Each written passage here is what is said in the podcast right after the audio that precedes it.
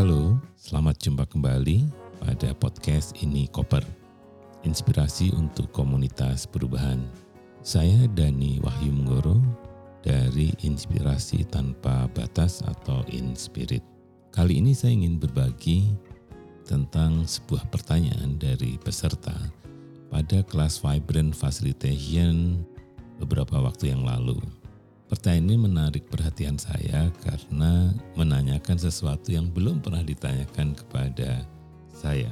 Pertanyaannya sederhana, apakah bila kita mengaktifasi otak kanan itu dilakukan sekali atau berkali-kali di dalam sebuah sesi fasilitasi atau pelatihan? Menarik bukan pertanyaan seperti ini? Karena yang ingin saya sampaikan sebelumnya adalah bahwa pada setiap pelatihan Vibrant Facilitation itu saya menggarisbawahi apa bedanya fasilitasi biasa dengan fasilitasi Vibrant. Fasilitasi biasa adalah membantu sebuah proses ya memudahkan sebuah kelompok atau sebuah tim atau seseorang untuk bisa mencapai tujuannya. Nah, sedangkan di dalam vibrant itu ada kata-kata yang saya tambahkan adalah bahwa proses fasilitasi vibrant itu proses membantu kelompok atau orang untuk lebih mudah mencapai tujuan terbaiknya dengan taat pada keagungan insani. Nah, jadi ada kunci di sini bagaimana kita membantu dan memudahkan sebuah kelompok bisa mencapai tujuan terbaiknya. Nah, tujuan terbaiknya inilah yang membutuhkan full of energi, yaitu tadi keagungan insani. Apa itu keagungan insani? Ada empat yang harus diaktifasi untuk keagungan insani itu tumbuh. Yang pertama adalah mind ya, pikirannya. Kemudian heart, feeling atau perasaannya. Body, tubuh ya untuk melakukan sesuatu. Dan yang terakhir adalah reflecting atau spirit atau soul, yaitu saatnya merefleksikan apa yang telah kita lakukan. Nah, pada pertemuan yang klasikal atau pelatihan yang klasikal, kita melihat bahwa proses pembelajarannya selalu langsung kepada apa yang menjadi bahan bahasan pelatihan. Apakah itu definisi dan dan sebagainya. Baru kemudian mengurut pada elemen-elemen atau fitur-fitur yang ada pada pengetahuan atau keterampilan itu.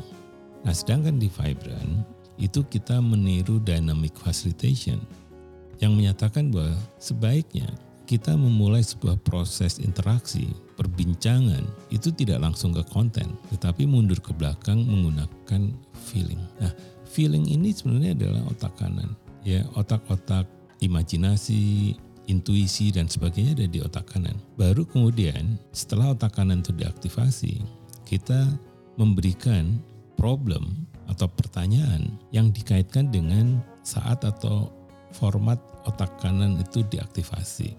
Jadi di di sini berbeda dengan dengan proses fasilitasi yang klasikal.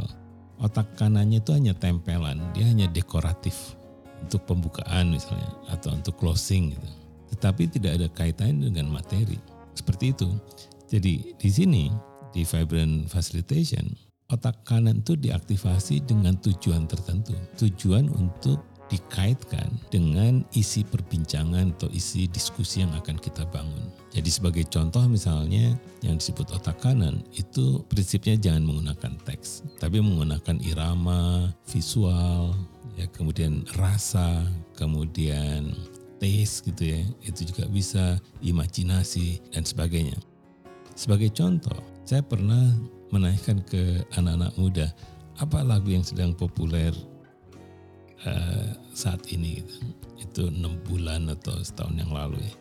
Dan kemudian di, disebutlah kata hati-hati di jalan Pak dari Tulus.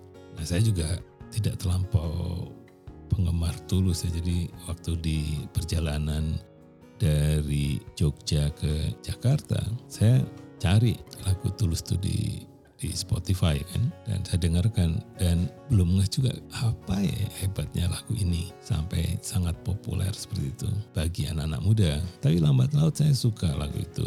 Dan bahkan pernah dalam perjalanan kembali ke Jawa itu lagu itu saya putar berkali-kali sampai seluruh penumpang di mobil juga. Mungkin tidak enak ya rasanya mendengarkan lagu itu berulang-ulang. Tapi saya kemudian memanfaatkan lagu ini untuk sebuah proses belajar. Jadi saya ajak pesertanya nonton, bukan nonton, mendengarkan lagu hati-hati di jalan ini, ya kemudian menyanyikan bersama, dan baru kemudian saya menanyakan, pilihlah satu kata yang ada hubungannya dengan vibrant facilitation. Kemudian satu-satu peserta menjawab kata-kata yang menarik perhatian mereka. Lagu ini sebenarnya bukan lagu kegembiraan kan, lagu tentang perpisahan. Jadi kemudian mereka harus melakukan reframing dengan pertanyaan tadi, pertanyaan apa hubungannya? Nah, ketika menanyakan hubungan itulah otak kanan yang sedang dilumasi tadi itu mencari ke otak kiri atau otak kiri melakukan resonansi untuk mencari apa yang harus di, dijawab. Nah, butuh beberapa ya untuk kemudian peserta mungkin cara acak menyebut teks-teks yang ada di lagu hati-hati di jalan. Tapi kemudian tidak berhenti di situ saja. Kita meminta peserta untuk mengeksplorasi apa yang menarik dari kata-kata itu dalam kaitannya dengan vibrant facilitation. Ini ada proses mengurai, proses bercerita. Nah di tahapan berikutnya sebenarnya adalah kemudian mereka berkelompok dan setiap kelompok harus membahas apa yang sama, apa yang beda, apa yang menarik, dan apa yang sebenarnya bisa dilakukan untuk merumuskan sebuah pengertian tentang vibrant facilitation dari kata-kata yang ada di kelompoknya. Nah ini otak kanan dan otak kirinya mulai aktif secara simultan. Di sinilah yang sebenarnya disebut dengan full of energy. Nah pada saat energi penuh ini aktif, kemudian fasilitator bisa meminta buatlah sebuah puisi yang elemen-elemennya adalah tentang vibrant facilitation dari kata-kata yang tadi sudah ada. Nah, pada akhir proses sesi, setelah menjelaskan definisi atau ciri-ciri dari vibrant facilitation, setiap kelompok itu mulai membaca puisi dengan cara-cara yang kreatif. Di sinilah yang sebenarnya akan muncul apa yang kami sebut sebagai antusiasme Nah, pada saat antusiasme itu terjadi, diberikan tugas apa pun, peserta akan gembira dan sesuai dengan konten yang sedang dipercakapkan. Jadi kembali pada pertanyaan peserta, kapan dan berapa lama perasaan-perasaan gembira, perasaan-perasaan apa merasa apa percaya diri, merasa dihargai dan sebagainya itu muncul sehingga pada sesi-sesi berikutnya peserta akan sangat aktif dan senang mengikuti sesi-sesi kecuali di sesi berikutnya tidak digunakan vibrant facilitation pasti peserta juga akan eh, apa energinya turun. Oleh karena itu vibrant ya harus eh, seutuh dari proses yang menjadi tanggung jawab para pelatih atau fasilitator. Jadi kalau sudah vibrant ya vibrant.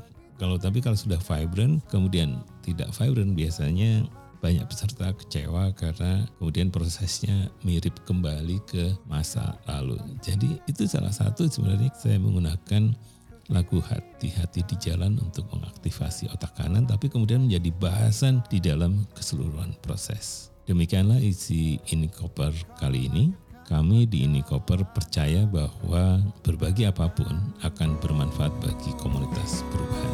Sampai jumpa pada edisi berikutnya.